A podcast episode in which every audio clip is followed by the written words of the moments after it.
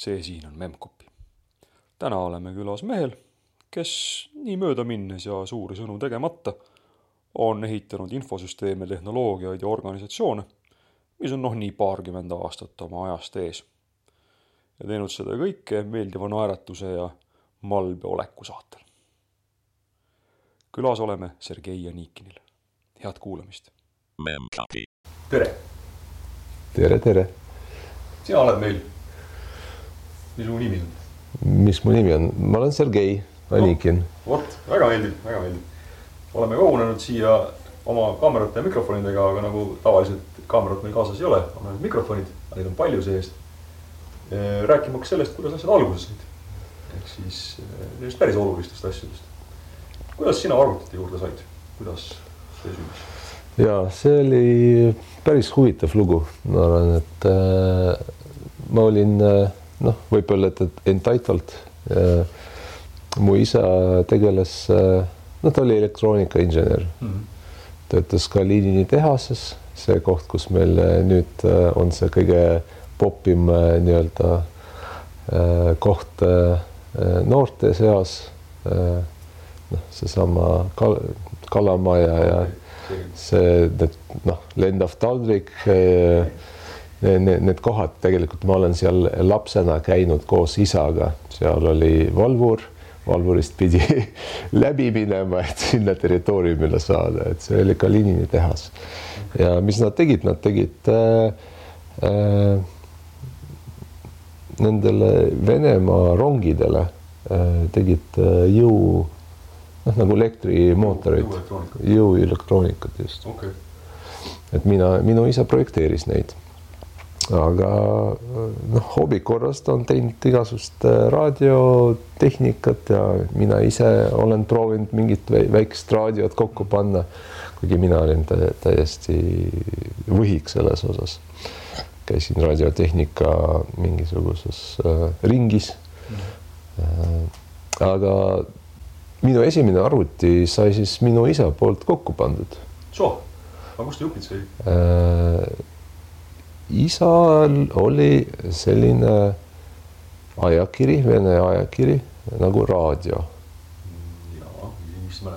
ja siis aastal kaheksakümmend kuus, mis oli Raadio siis kaheksakümmend kuus, avaldati seal kõigepealt arvutiskeemid mm. -hmm. kuidas selle kokku panna, see oli Vene poolt siis välja töötada, aga aga skeemid nad võtsid selle Venemaa Z-spektrumi või siin ah. Singleri pealt. okei okay., et oli, oli suhteliselt sarnase arhitektuuriga äh,. isa siis kõigepealt korjas need komponendid kokku, ise joonistas plaadi mm. -hmm. ja kuna tal oli juurdepääs siis tehases nagu noh, tegi need plaadi seal, pani selle kokku ja siis ma mäletan, et tal läks ikka paar kuud enne, kui ta kõik nagu need viigased kohad seal os, os, selle ossioloog, ossiograafiga. nagu välja juuris, siis pani käima, see käis teleka juurde, teleka külge on ju, moni-, telekas oli monitori asemel, see oli mustvalge telekas. Ei no värvitelekat siis meil ei olnud peres no,. just nimelt. Oli, siis seda vaadati ise. just ja, ja ta pani selle käima, aga ega ma sellega nagu midagi väga teha ei saanud, sest eh, tal ei olnud isegi opsüsteemi no,. ja opsüsteemi eh, jällegi ta käis, eh, tal oli interface ketta selle lindmakiga.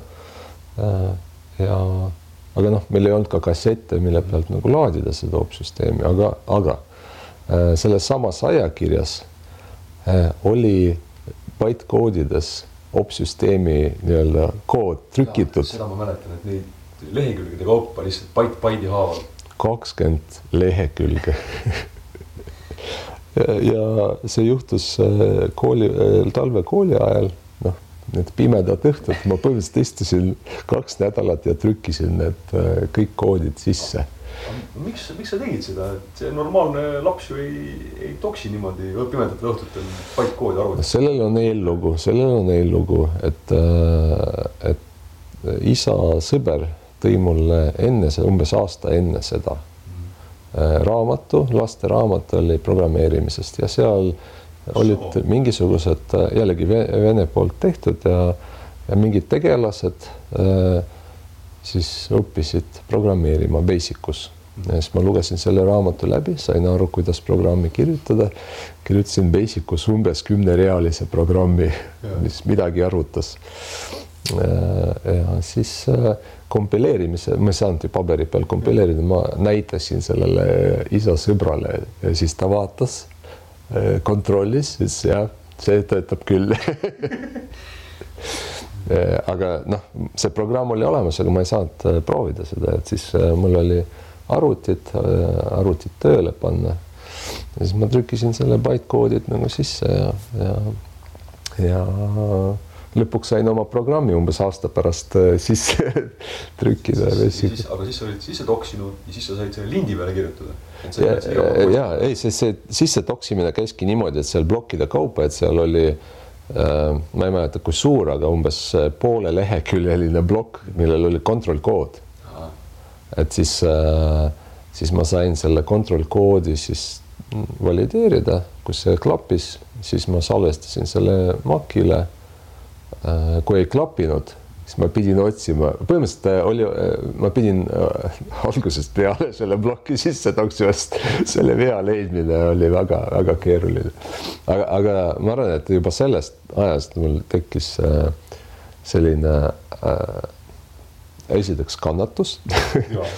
ja teiseks äh, tähelepanu detailidele, et see sisse toksimine on lihtsalt nagu bytecode'ide nagu, et, et seal lõpuks ma sain aru, et mul on hästi oluline ikka need õigesti ja õiges järjekorras sisse toksida, see ümber sisse toksimine oli nii piinlik, et. Äh, no, no vot, et äh, sul tehti väiksest peale selgeks, et jah, sa võid lasta üle jala, aga siis sa ise toksid nagu siis kolm korda sisse, mitte ühe korra, eks ole ja aga, aga noh, loomulikult, et eh, enamik äh, aega, mis arvutiga sai veedetud, olid siis mängud, noh, tol ajal alguses arvutis olid need tavapärased, noh, see madu ja, ja, ja mingisugune tennis ja noh yeah., ja sai neid mängitud siis isal, isale meeldis arvuteid kokku panna ja siis ta on äh, pannud ka sellesama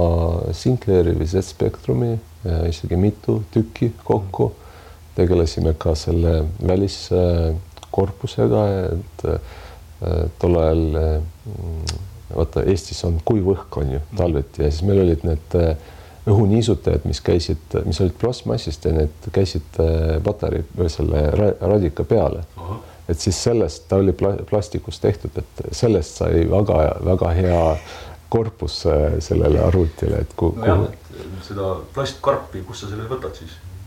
et see, ta oli õige kujuga äh,. sinna sai sisse lõigata selle klaveri äh,. noh, toiteplokk, plaat, kõik, kõik, mida vaja on, interface'id, äh, noh, Mac oli eraldi.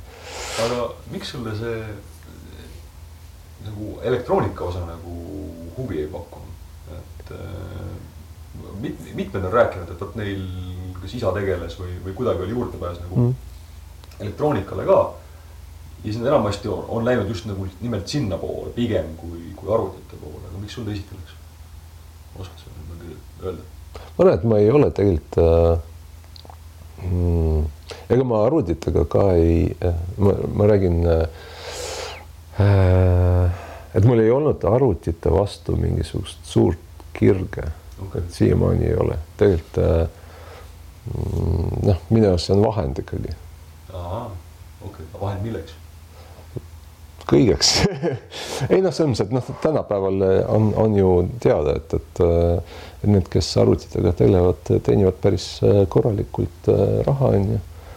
Äh, noh, tol ajal see oli ka, noh, mingis mõttes oli staatus, et sul peres oli arvuti, noh, aastal kaheksakümmend kuus, kaheksakümmend seitse, noh, kui paljudel peredes oli arvutid alles mitmed aastad hiljem tekkisid vaata need äh, arvutiklubid või arvuti nagu need kohad, kus said mängida ja põhimõtteliselt needsamad mängud mul oli kodus selline. ja me ei olnud nagu jõukas pere, meil ei olnud nagu väga raha nagu, et osta niisugust asja. et, et see on, see oli pigem jah,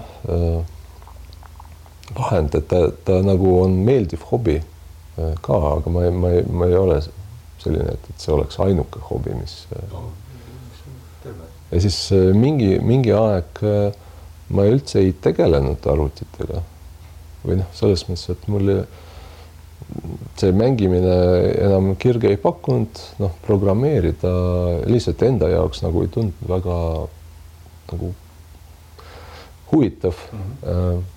aga mul oli üks sõber, äh, kes äh, noh, me mängisime koos, noh, käisime. ja siis ta mainis, et oo oh,, et, et ma nüüd käin arvutiklubis Äh, ja me seal õpime programmeerima, aga mina muidugi enamasti käin seal mängimas.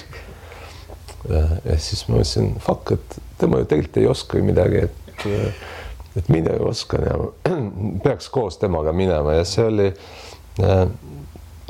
äh, noh, sa ilmselt oled rääkinud paljude inimeste Eesti nagu mm. kogukonnaga, aga, aga mina sattusin siis vene kogukonda Äh, selle arvut, arvutiklubi nimi oli Interface. soo, aga kes seda pidas ja kus kohas? Äh, selle vedaja oli, ma mäletan, naisterahvas hmm.. ta õp-, ta töötas vist geoloogia instituudis siin Mustamäe teel. see Tehnikaülikoolis ei, ei, siin ja, oli eraldi nagu ja okay. et ta töötas seal ja, ja siis ta vedas jah, laste nagu arvutiklubi. ta nii, nimi oli Niina Bot-, Botina.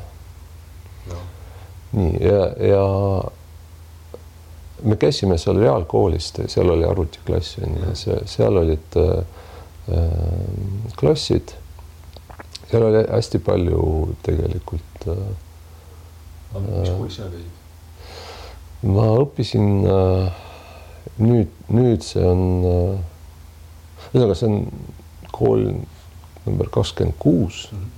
ja siis viimases klassis ma läksin äh, Tõnismäe reaalkooli, kus äh, oli väga tugev mata. ja, ja, ja tegelikult seesama Niina äh, Potina, ta surus mind ja veel ühte äh, klassi õde, et me läheksime sinna teise kooli, et lõpetaksime seal, seal seda mata, madaklassi. Et tema pärast me, me läksime sinna kooli, seal oli hästi palju neid äh, tuttavaid äh, sellest samast arvutiklubist. Ja hiljem sellest arvutiklubist on kasvanud äh, ma ei teagi, tehnikakool või, see arvutitehnikakool, mis oli Kopli tänaval.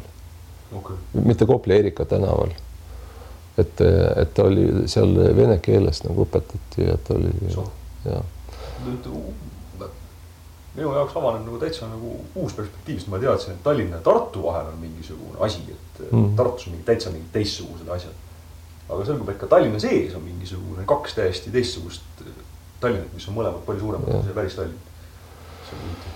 see on huvitav jah, et, et ja, ja seal oli ka niimoodi, et on-off minu huvi nagu arvutite vastu, et äh, vahest äh, noh, üks aasta ma olin seal klubis, siis kui ma läksin uude kooli, siis mul ei olnud nagu väga aega selle, sellega tegeleda, aga siis Niina kutsus, et, et kuule, et mul ei, ei jätku neid äh, Äh, õpetajaid või, või instruktoreid on ju, et tule, et mul on täiesti uued äh, grupid ja tule ja aita umbes arvutiklassi, et siis kuidagi see tekitas, tekitas uuesti äh, huvi.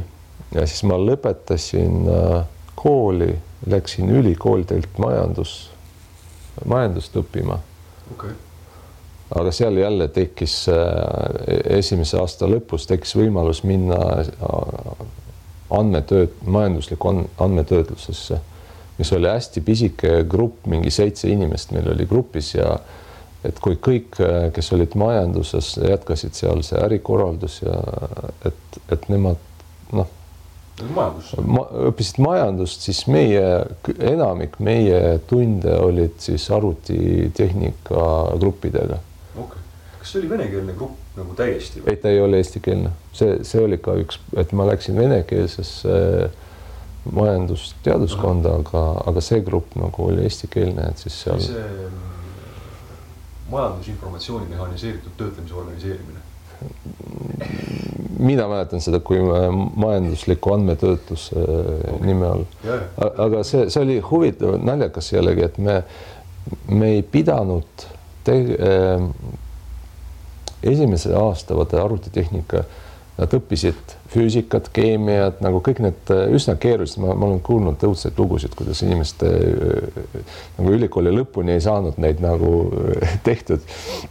ja siis meie õppisime mikro- ja makroökonoomikat, inglise keelt ja siis teisest äh, aastast hakkasime koos arvutitehnikat õppima, et, et. ja ei olnud nagu jõudluse vahet tundus?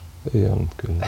millest me järeldame, et need nii-öelda matemaatika füüsika üldained võib-olla ei panustanud nii palju sellesse nagu lõppharidusse kui, kui. aga noh, jällegi ma ütlen, et, et, et nüüd see, kus, kus ma praegu olen, ilmselt äh, on on ka põhjen-, põhjustatud sellega, et ma ei läinud väga süvitsi nagu arvutitehnikasse, vaid pigem alati mul arvuti oli pigem vahend mingi probleemi lahendamiseks. kas ähm, sa mainisid, et, et sul kuidagi see matemaatika asi tuli välja, kas sa kuskil olümpiaadidel ka käisid?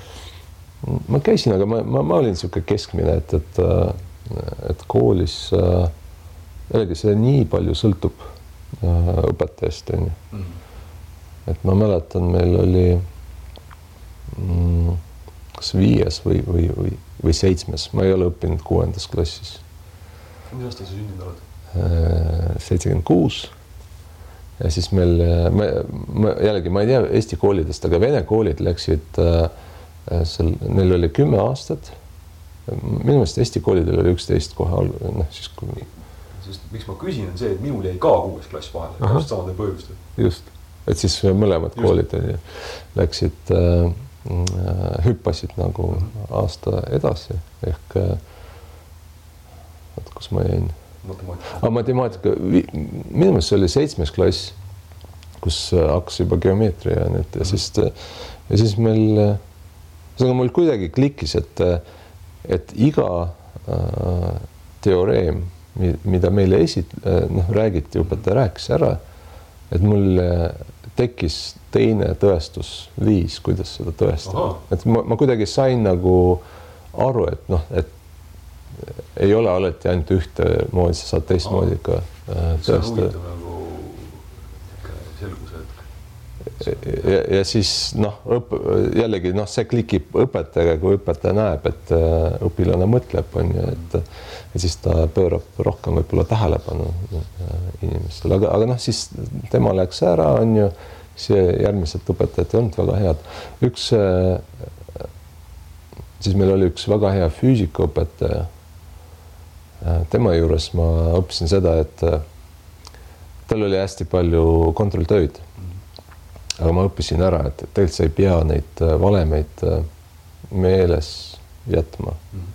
Piisab sellest, kui sa oskad neid rakendada, noh, loomulikult spikerdamine nagu ei olnud äh, lubatud, aga äh, mul oli ikkagi need valemid spikrina nagu vihiku seal tagakaanel. Äh, ja, ja siis äh, ongi, sa pead aru saama probleemist, sa pead aru saama, mis vahendit sa kasutad selle probleemi lahendamiseks, on ju, et, et Eh, ja noh, see õpetaja nagu vaatas eh, läbi sõrmede nende spikerdamise peale, sest eh, kui sa probleemist aru ei saa, siis, siis füüsikas nagu see ei aita. valemid sa võid teada nagu, nagu kuidagi saab, jah, väga-väga huvitav. ja siis, kui me läksime sinna teise kooli, seal on jällegi legendaarne matemaatikaõpetaja on see mm, Mihhail Vassiljevitš äh, seal selles Tõnismäe reaalkoolis siiamaani õpetab, onju. et äh, see, kuidas inimene, noh, õpetajad on ju autoriteet, on ju, kuidas ta kohtleb inimesi. et tema jaoks, noh, me oli, olime seal madalklassis ja seal selgelt olid nagu kolm, kolm või neli nagu noh Äh, õpilast, on ju, kes käisid, võitsid kõik olümpiaadid nagu riiklikud olümpiaadid, käisid maailma olümpiaadidel, on ju. ja siis noh, loomulikult ta tegeles nendega, aga, aga ta tegeles ka kogu ülejäänud rahvaga, on ju, et seal olid ka need, kes ei saanud väga aru, aga tema juures nagu nad, nende tase, noh, ta oskas selgitada ka nii lihtsasti asju, keeruliseid asju, et, et kõi-, et kogu klass nagu põhimõtteliselt oli, ma ei tea, paar tasemet teistest äh, koolidest nagu üle mm. -hmm. et lihtsalt see, et sa olid seal nagu keskkonnas juba tõstis sinu levelit nii, nii, nii kõrgelt. see on hästi huvitav, kuidas jällegi tuleb välja see, et, et sa mitte ei õpi just nimelt seda matemaatikat või õpid matemaatikat ka, aga see suhtumine ja see oskus on see, mis tegelikult nagu takkajärgi tundub, et ja aga see olümpiaadide küsimus jällegi noh, mina, mina ei, ei saanud seal mingeid kohti, aga, aga äh, klass, mis oli meist aasta vanem. Äh, ühesõnaga, meil oli äh, selline lugu, et, et nad läksid, seal oli umbes kümme inimest käisid, läksid keemia olümpiaadile kümme inimest läksid äh, mata ja siis kümme läks mingi füüsika, aga noh, Tartus on kõik need riiklikud ja siis, aga kui nad umbes terve klass läks äh, olümpiaadile, aga eri, erinevatel nagu aladel ja, ja siis, kuna nad olid juba seal kohal, siis neile lubatud ka teistes osaleda oh,. Okay.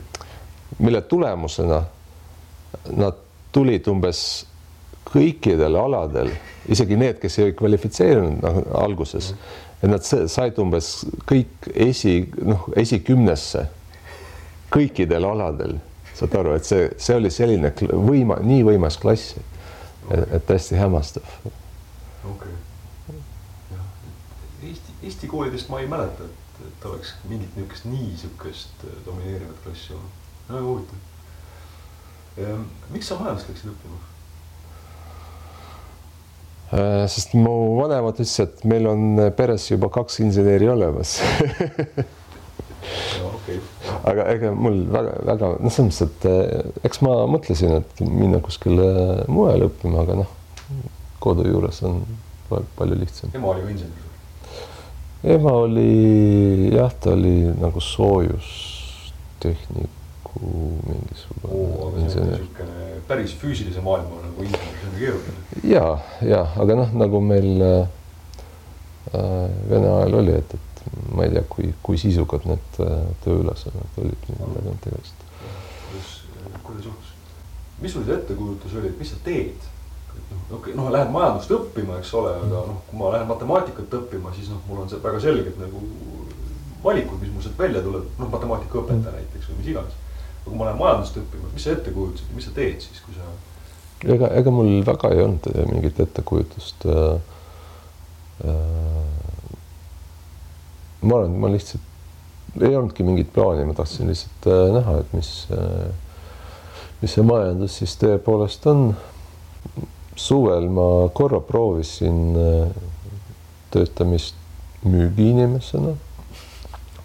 selgus, et see ei sobi mulle absoluutselt kuigi ma arvan, et äh, ühesõnaga ma selgitan, miks mulle ei sobi. sest mulle ei sobinud see, et müügitöös sul äh, üheksakümmend viis, üheksakümmend kaheksa protsenti inimestest ütleb ei mm. -hmm aga mulle see ei sobinud, nagu mulle ei meeldi fail ida ja minu jaoks see ei tol ajal oli nagu fail mm. -hmm tegelikult äh, nüüd, kui ma olen siin Pipedrive'is juba seitse aastat äh, töötanud, äh, ma saan aru, et, et see on nagu osa protsessist, see on statistika, see ei ole nagu fail.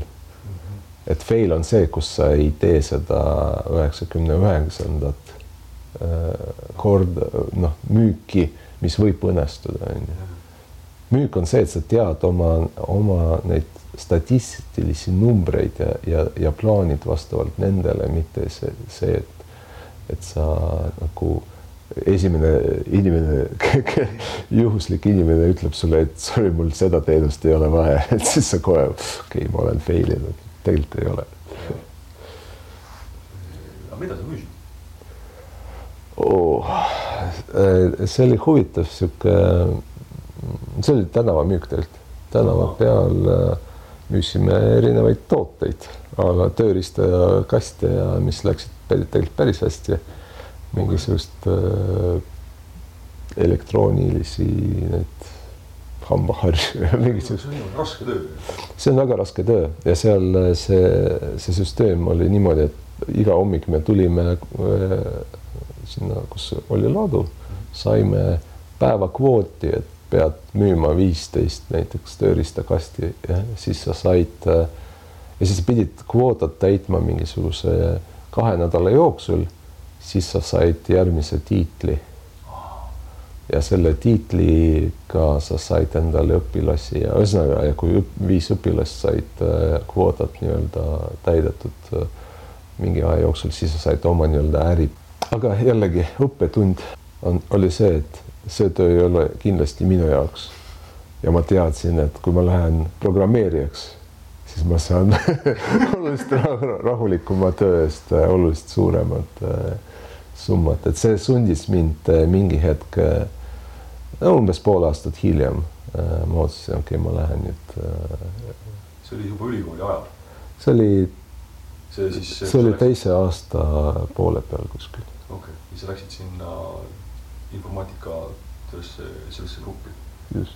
ja kas sa siis juba nagu programmeerisid mingeid tõsisemaid asju ka või lihtsalt käisid lihtsalt loengus ja sealtkaudu kutsusid arvutiga kokku või oli sul mingi oma, oma idee ka juba, et noh, mida, mingi hobiprojekti programmeerida või teha? olen teinud äh, ühte projekti, nii palju kui ma mäletan. Äh, ei, kahte, mis tõi äh, natuke raha, siis üks oli vaata tol ajal oli hästi populaarsed need SAT-TV firmad, mis tegid väikses rajoonis oli mingis väikses rajoonis mingi oma kunjon, kes pakkus seda SAT-TV-d äh, kuutasu eest. siis äh, oli üks tuttav, kes äh, palus teha infosüsteemi, kus oleks kirjas, kes on liitunud, kes ei ole ja, ja kui palju nad maksavad ja mis teenust nad kasutavad ja emal oli jällegi tööl arvuti, millega ma sain Accessi andmebaasi oh. ja selle pealt siis väikest liidest eh, teha tema jaoks. ma ei tea, kas ta kasutas seda hiljem või mitte. ja siis teine oli veel huvitavam. Eh, kui ma sain teada, kui palju ma raha selle eest saan, selle töö eest saan, mul nagu ma olin väga imestanud. ühesõnaga jällegi isa sõbrad, nad tegelesid äh, valvesüsteemidega mm. -hmm. siis neil oli projekt, vanglaprojekt okay.. Nad panid äh, valvesüsteemi vanglasse ja neil oli vaja joonistada ähm, põhimõtteliselt selle vanglaprojekti järgi mingisuguse skeemi, kus oleks näha, mis äh, kus on alarmid äh, nagu tööle läinud, ühesõnaga alarmide ja paigutusi sinna ja, ja noh, eks ma, ta ei olnud nagu otseselt programmeerimine, aga, aga ta oli nagu sihuke disain, noh, ma pidin neid pilte joonistama ja, ja siis ma sain mingisuguse kolme, kolme nädalaga see tehtud ja see summa, mis ma sain, oli mu isa umbes poole aasta nagu palk siis ma sain aru, et, et arvutitega tasub võib-olla nagu tulus. just. Ehm, kui palju, no kust selle informatsiooni sai, kõik see noh, Access'is programmeerimine, kas see ei ole ka niisama lihtne, et sa just teed Access'i lahti, muudkui hakkab punuma, eks ole, pidid kuskilt mingid infoallikad olema, kus sai? kusjuures Access'i kohta ma ei mäletagi, eks ma, ma just lugesin dokumentatsiooni, aga äh, programmeerimist äh, mul oli jällegi raamatutest, et mul oli üks, äh, üks Pascali raamat, mis õpetas objektorienteeritud programmeerimist. venekeelne raamat. venekeelne raamat Äh, mis, äh, mis aitas mul mõista nagu, et, et just objektorienteeritust okay..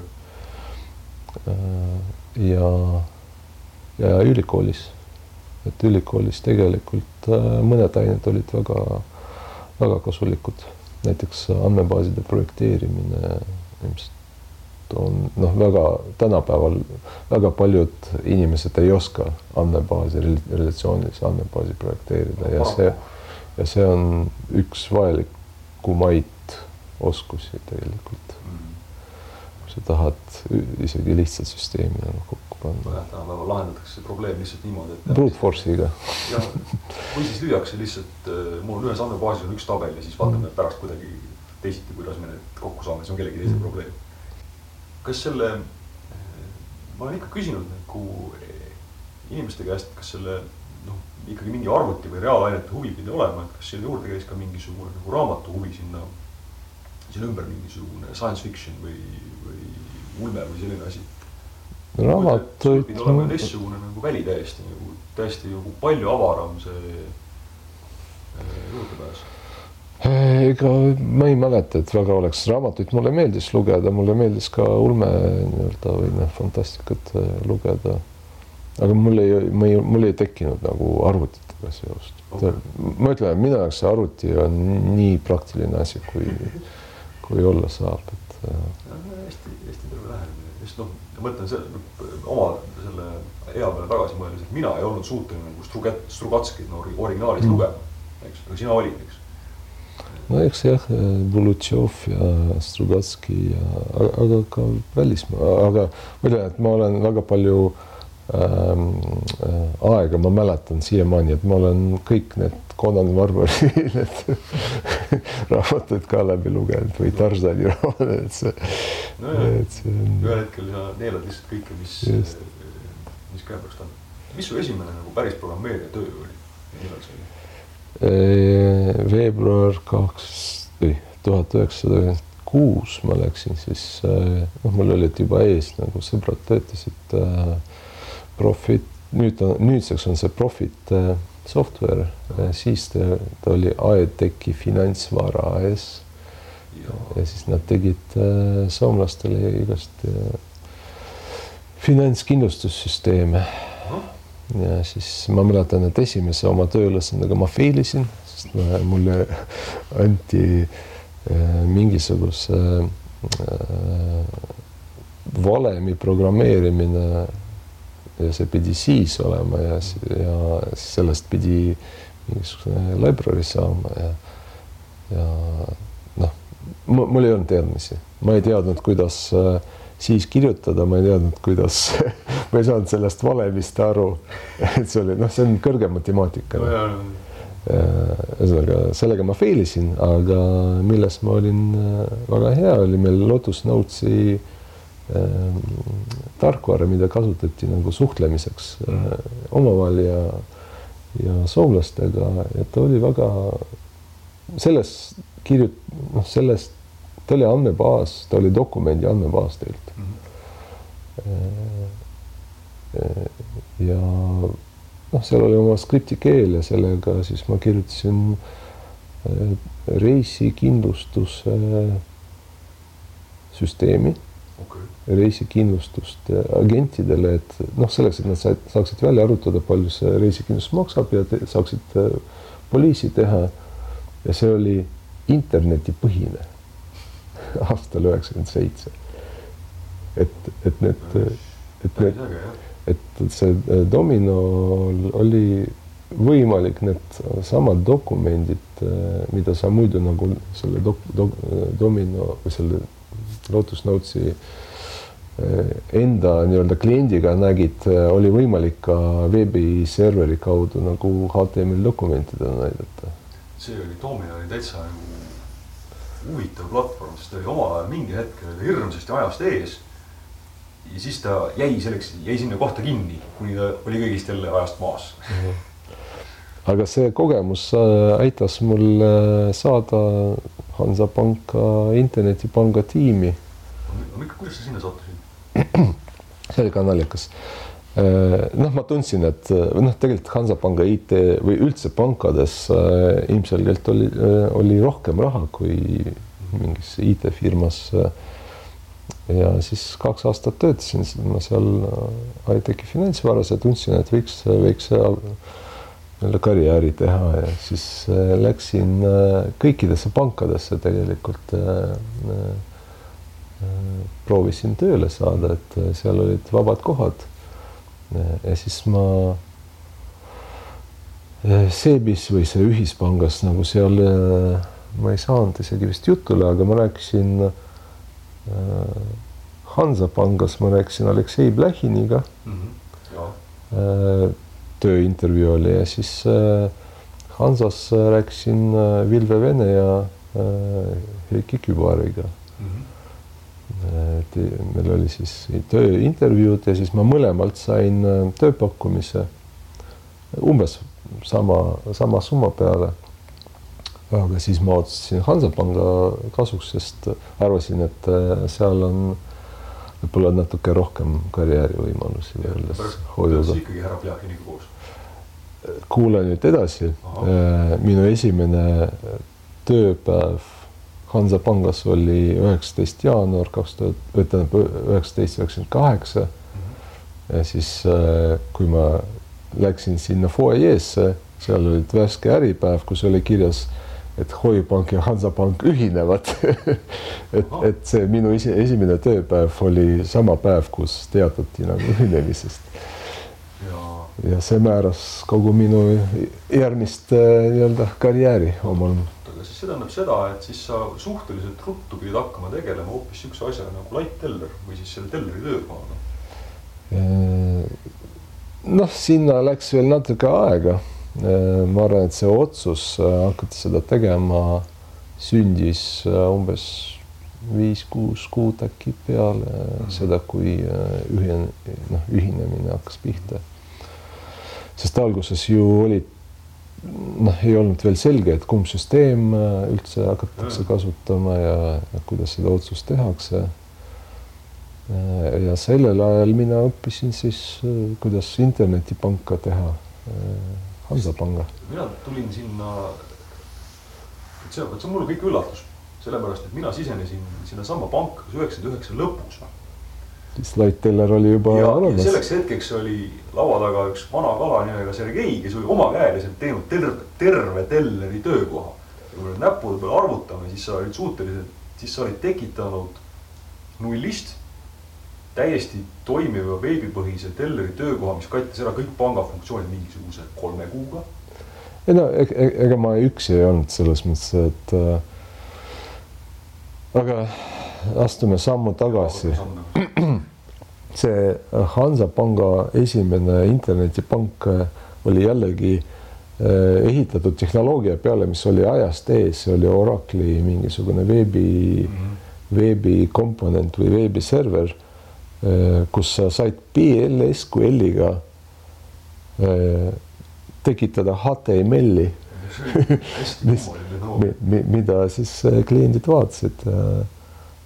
ja siis seal oli, noh, see oli omal ajal hästi lihtne mm, -hmm. mitte mingit disaini ei olnud, sest vist disaineritest keegi ei teadnud tol ajal, et on selline amet nagu disainer ja noh, selles mõttes, et need äh, trükidisainerid kindlasti olid, aga kasutajaliidese disaineritest või mitte keegi ei teadnud tol ajal. ja siis äh, äh, kui ma tulin, siis ma vaatasin, oo, milline ebavõrdsus, et, äh, et see pank, internetipank on ainult eesti keeles no,. väga halb siin kohe ütlesin, et eh, noh, mis tal siin teha on, ma võin, ma võin näiteks teha niimoodi, et ta on mitmes keeles. Sest ja siis ma tegingi kaks nädalat, eh, põhimõtteliselt tegelesin sellega, et eh, võtsin kõik sealt tekstid välja, asendasin lang funktsiooniga mis arvestas ka kasutaja profiiliga ja siis äh, see päev, kui ma veel õppisin samal ajal ülikoolis ja see päev, kui Madis Olisaar äh, lasi minu paketid üles ma olin ülikoolis ja mõtlesin, vaatame, kuidas töötab. Siis logisin sisse ja vaatasin, oo, eesti keel töötab, vene, tähendab inglise keel töötab, vene keel näitab küsimärke.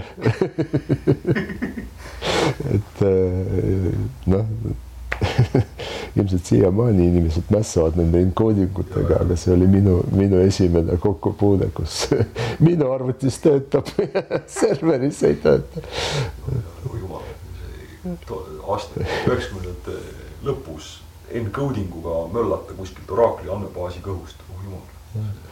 aga, aga samal ajal hakkas juhtuma ju mitu asja, onju, et, et see Hansapanga äh, siis toimus ühinemine, Aleksei Blehhin tegeles datamigraga äh, ja tekkis probleem, et vaat Telleri programm oli kirjutatud Oracle Formsi mm. -hmm. igal Terreli te,, igal, igas kontoris oli Formsi server okay. ja et kõik tellerid siis kasutasid Formsi klienti mm, -hmm. mis, mida serveeriti seal serverist ja nad võtsid peaserveriga nagu Oracle'i ühenduse.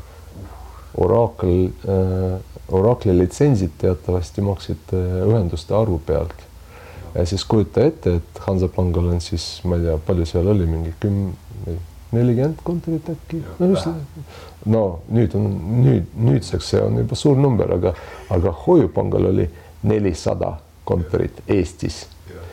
Ja, ja paljude, paljudes maakohtades ei olnud ka isegi eh, nii head ühendust, et, et hoida seda pidevat eh, ühendust eh, baasi, baasi otsa ja, ja see, kui nad arvutasid, kui palju see Oracle'i litsentsi maksud oleksid, siis nad mõtlesid, et võib-olla anname selle hoiupanga tagasi eelmistele omanikele. et siis siin, siis tegelikult see oli hästi julge otsus. Äh, noh, ma ei tea, kes seal need võtsid vastu ilmselt needsamad Vilve ja Gips ja et, et aga teeme siis internetitelleri mm -hmm. programmi.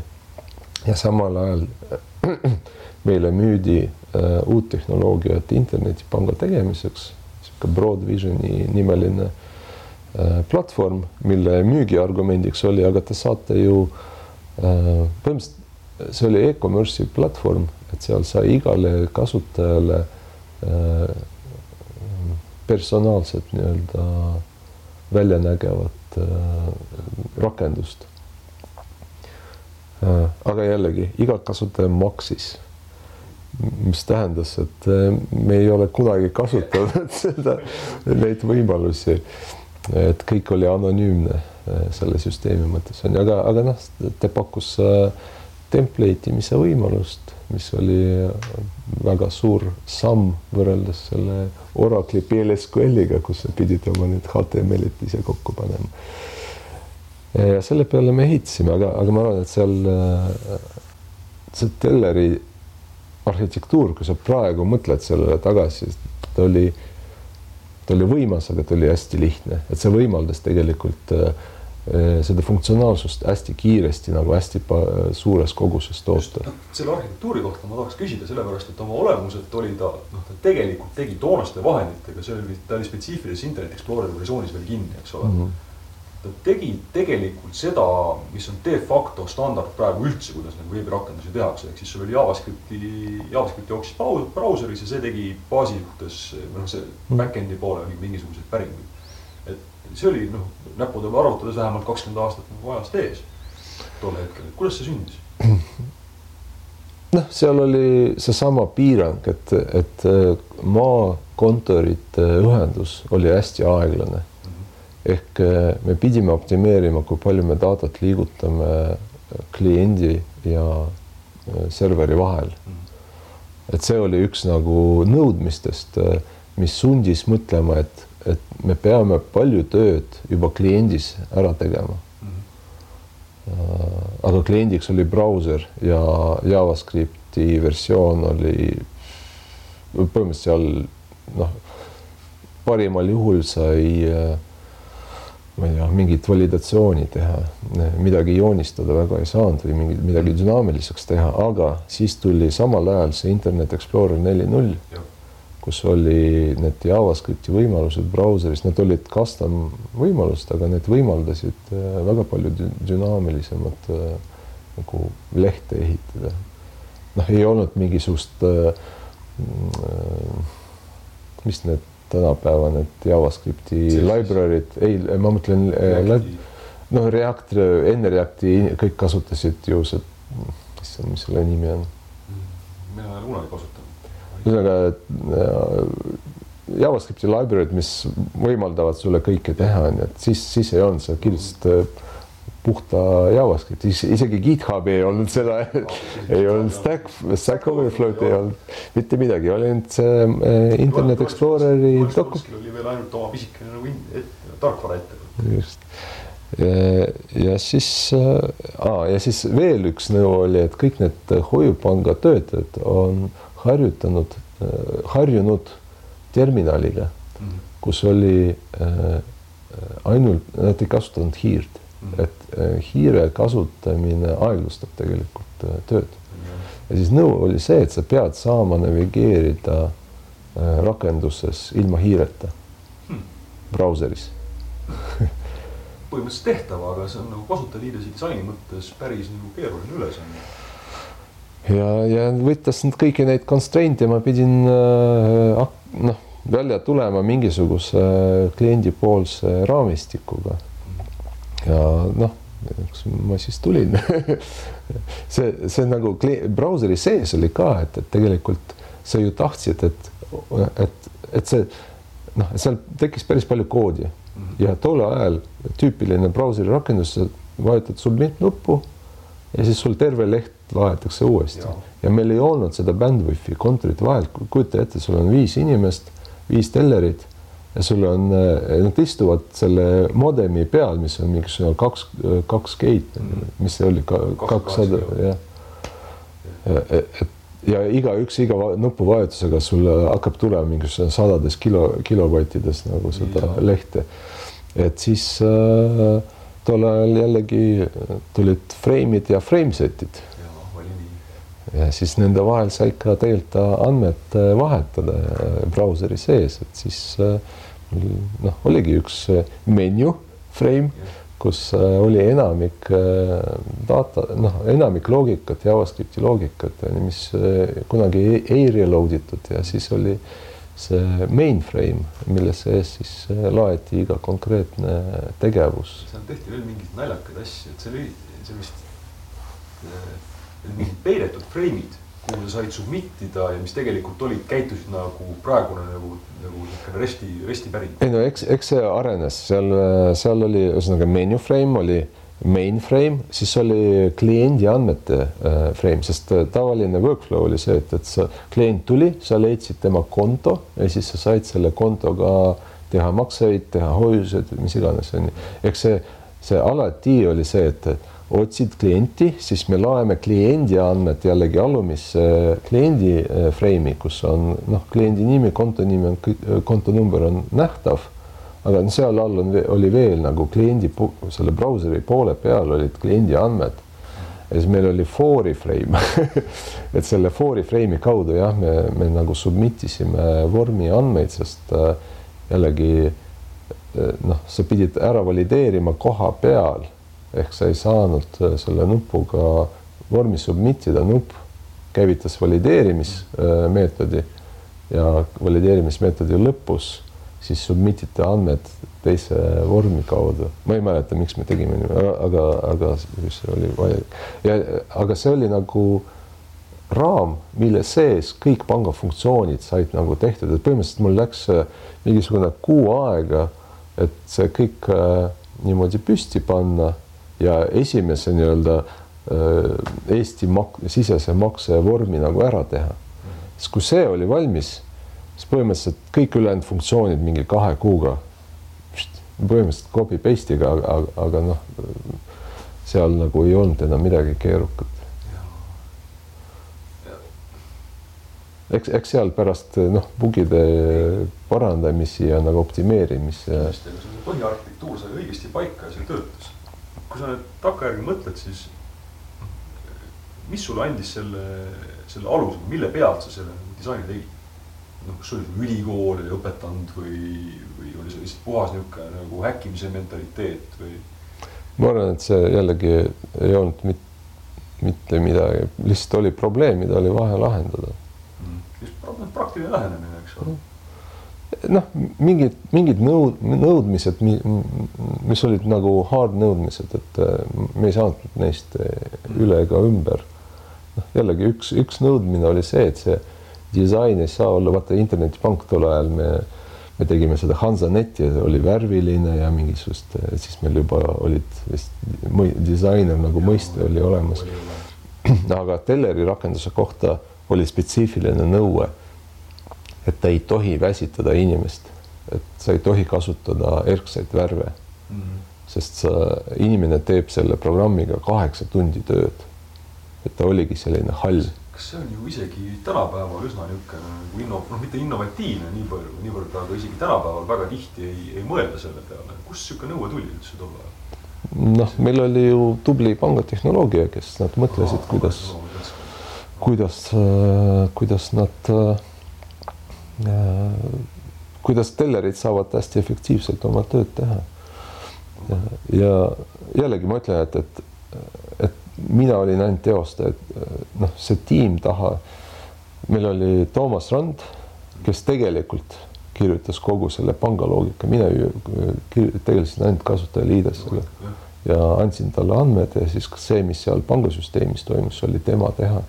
et ta, tema istus täpselt samamoodi noh, kaksteist tundi päevas ja, ja, ja tegi, aga tänu sellele projektile jällegi äh, ka pangasüsteemi arhitektuuris äh, tekkis äh, korrastatus, et kui selle vorm, vormiga, see Oracle Forms, et sa said kutsuda suvalisi funktsioone nagu selle vormi, vormist otse, siis meie arhitektuur jällegi ütles, et üks nupuvajutus, kogu tehi, te, tehing tehtud et, et see jällegi oli selline nõue nagu pangasüsteemile. tõmbas sellise.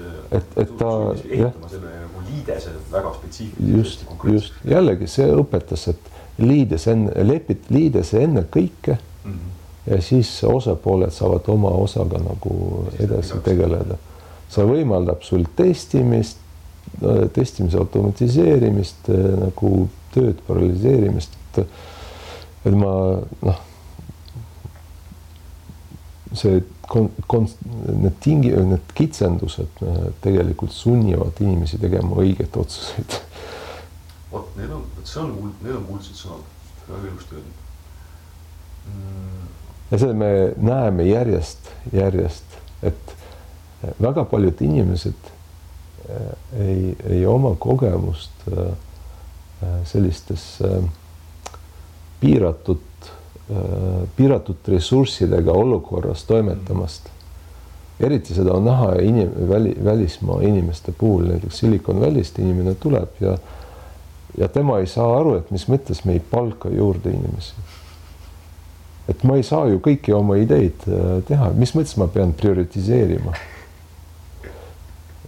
et, et see on, see on probleem nendel inimestel, nad ei saa aru, mis tähendab, et mul ei ole raha, mis tähendab, et ma arvan, et, et see, mis sa alguses äh, ütlesid, et et üritad nagu tuvastada, kuidas äh, Eestis on tekkinud selline mm. olukord, kus äh, on palju ära tehtud hästi vähese ressursiga. ma arvan, et see on täpselt sellepärast, et inimesed oskavad teha õiget valikut, oskavad prioritiseerida. ja see on, ja see oskus tuleb omakorda sellest, et sa pead alati prioritiseerima. kui sa ei prioritiseeri, siis on väga halvasti, sest sul ei ole ressurssi siis. ja kõige selle juures ma nüüd küsisin seda Vilde käest ka. ja ma küsin sinu käest ka. see vastus, ma arvan, et on väga oluline. milline on ilus kood hmm.? ilus kood. ma arvan, et ilus kood on see, kus äh, inimene ei pea küsima, mida ta teeb peale ja saad aru, mis ta teeb. sest äh, väga paljud inimesed, kes äh, äh, oskavad programmeerida, nad millegipärast arvavad, et mida, mida, kuidas nüüd öelda, mida keeruli-, mitte keerulisemaks, nad ei ürita nagu meelega keerulist, nad üritavad äh, optimeerida koodi või teha ta kuidagi lakoonilisemaks aga see tegelikult ei tee, see teeb halba, ma arvan. tihti, mitte alati, aga, aga lakoonilist koodi võib olla väga keeru-, väga halb lugeda. ütleme, et seal on piir, kust kust enam edasi on see, et, et kui, kui inimene ei saa aru, mida see kood, teine inimene ei saa aru, mida see kood teeb, see ei ole hea kood, isegi kui ta teeb õig, õiget asja. see on üks asi, teine asi jällegi noh, ma pean sulle suur äh, aitäh ütlema Soo. äh, selle eest, et sa tõid äh, Eestisse Joshua Kirjevski omal jaa, ajal. oli küll nii, oli küll nii, see küll, Erik Jõgi ütles, et too ja siis ma tõin, aga põhimõtteliselt küll jah, sai toodud. et jällegi ma arvan, et see minu karjääris, see oli, vaata, sul tekivad või elus mingi hetked, kus sa saad aru, et okei okay,, see oli nagu step function on ju. Et see koolitus, mis, mis me saime, see lõi tegelikult äh, väga paljud äh, asjad äh, oma kohtadele. see oli, see oli, ja see ei olnud pikk, see oli kas mingi kolm päeva või kaks-kolm päeva. ta vist oli nädal, nädal tegelikult, ta, ta ei olnud täispäevad, sest mingi kuus tundi või midagi. aga see juuni, vaata Joshua on ju tegelenud selle ref- refaktor, koodi refaktoringuga, et, et kuidas nagu teha kehvast koodist nagu ilusat koodi on ju. ja siis me rääkisime unit testimisest on ju ja, ja, ja ja see nagu, see ongi see, mis tegelikult aitab sul ilusat koodi kirjutada. et, et sa pead oma koodi mitu korda ümber kirjutama. Enne kui, kui ta näeb loogiline välja. kood peab nägema loogiline välja. ja oh, sellest üritusest toona said väga paljud suured asjad alguse. et äh, ja kui ma takkajärgi mõtlen, siis tolle, tolleks hetkeks kogu see nagu liikumine või kogu see mõtteviis oli väga noor. kuule, kui me äh, vaata, noh, me olime Skype'is on ju ja siis äh, ma tulin siia ja siis meil on need igasugused agile coach'id ja ja siis ma mingi hetk ma äh, mõtlesin, teeme, teeme eksperimenti, on ju. et oli mingisugune grupp äh,, seal olid agile coach'id äh,, siis noh, arendajad ja siis ma küsisin, et teeme eksperimenti, on ju. et äh, rivistame äh, gruppi niimoodi, et kes on kõige kauem äh, agile'iga või selle movement'iga tegelenud või, või vähemalt teadlik olnud. ja, ja noh, vähem, vähem vähendamise nagu järjekorras. ja siis äh, kui me praegu, see oli minu arust kaks tuhat või millal need Joshua see käis oli, ka- see oli seal, kas oli, ta oli see kaks tuhat algus Või üheksakümmend, seal üsna nagu. ja et sellest on juba kakskümmend aastat on ju ja enamik inimesi, isegi need agile coach'id, neil oli mingi noh, seitse-kaheksa, inimesed, mina olen kakskümmend aastat sellega tegelenud. et ma, et see agile manifesto minu meelest oli kaks tuhat üks või kaks tuhat kaks. sest tegelikult me hakkasime nagu noh, okei okay,, see on tänu Erikule tegelikult Erik on toonud seda sisse, aga, aga me kõik saime nagu se, seda maista äh, enne, kui üldse see popiks sai. See oli üks huvitav organisatsioon, sealt sündis palju huvitavaid asju, meil lasti teha seal äh, huvitavaid asju. mis sa praegu teed? oh. ma isegi, ma isegi ei saa öelda, et ma, ma juhin äh, inseneeringu organisatsiooni, sest sest ma juhin ka muid organisatsioone nüüd Pipedrive'is. noh, Pipedrive'is ma olen juba seitse aastat olnud. Aastal kaks tuhat kolmteist liitusin, see oli äh, väike firma, ambitsioonikas, tööintervjuul äh, minult küsiti, et kas ma usun, et me saame Salesforce'iga võistelda. ütlesin, et noh, päris Salesforce'iks ei kasva, aga noh, niisugune võib-olla veerand Salesforce'ist on võimalik. aga siis, siis oli kakskümmend inimest, oli kümme, kümme inseneeri. Ja nüüdseks meil on kuussada inimest, see on siis kuus aastat hiljem või noh, kuus, kuus natuke peale. et äh, mina kõik need aastad on tegelenud skaleerimisega see nii infosüsteemi kui ka organisatsiooni skaleerimisega ja jällegi selle mõttega, et ei olnud kunagi mõ sellist mõtet, et äkki me, meil ei õnnestu, äkki me ei kasva. nii kui sa niimoodi hakkad mõtlema, sa ei kasva. ma, ma, ma siiamaani tegelikult ei ole kindel, et eh, kumb on koos ja kumb on efekt mm. -hmm. et, eh, et kas see, et me oleme scale inud engineering ut aitas Pipedrive'il kasvada või see, et Pipedrive kasvas, aitas meil scale ida engineering ut et äh, ja kui vaadata teisi osakondi, ütleme marketing äh, ei scale inud, product, noh, product pidi scale ima koos engineering uga, muidu engineer'il ei oleks midagi teha. Sales ei scale inud, noh, support scale'is äh, nii-öelda natuke tagantjärgi, et okei okay,, meil on rohkem kliente, et nüüd me peame nagu rohkem, et, et tegelikult engineering, engineering'u scale, äh, scale imine, kasvatamine kasvatas firmat mm.. ma loodan aga samas, kui ta ei, ei kasvaks, on ju, siis me ei saaks ka ikkagi inimesi juurde palgata, et, et see, see on omavahel seotud, aga küsimus ongi see, et, et mis tõukas seda. ja ma väidan, et me nagu väga ei vaadanud, et me olime kindlad, et me peame scale ima, sest, sest minu kõige suurem hirm on olnud, et, et kui me jääme bottleneck'iks et kui engineering'u peale hakatakse näpuga näitama, et näed, me tahame või me peame tegema seda ja toda ja teda ja engineering'ul ei ole ressurssi või nad ei jõua või, või süsteemid hakkavad kokku kukkuma, kui, kui kliente on liiga palju või, või me palkame inimesi juurde ja need inimesed ei saa tööd teha, sest äh, kuskil on protsessis on bottleneck. Või me ei saagi inimesi palgata, sest inimesed ei taha meile tööle tulla, on ju, et et neid bottleneck'e on nii palju et pidi, pidin nagu korraga kõikide nendega tegelema. mis tegelikult läheb ilusasti kokku, see on, jookseb sul hästi nagu selgesti kuidagi minu jaoks olnud läbi see, et, et sul on mingisugune praktiline probleem ja siis seda tuleb kuidagimoodi lahendada. ja sul ei ole see, et ei lahendu, ei olegi nagu võimalus.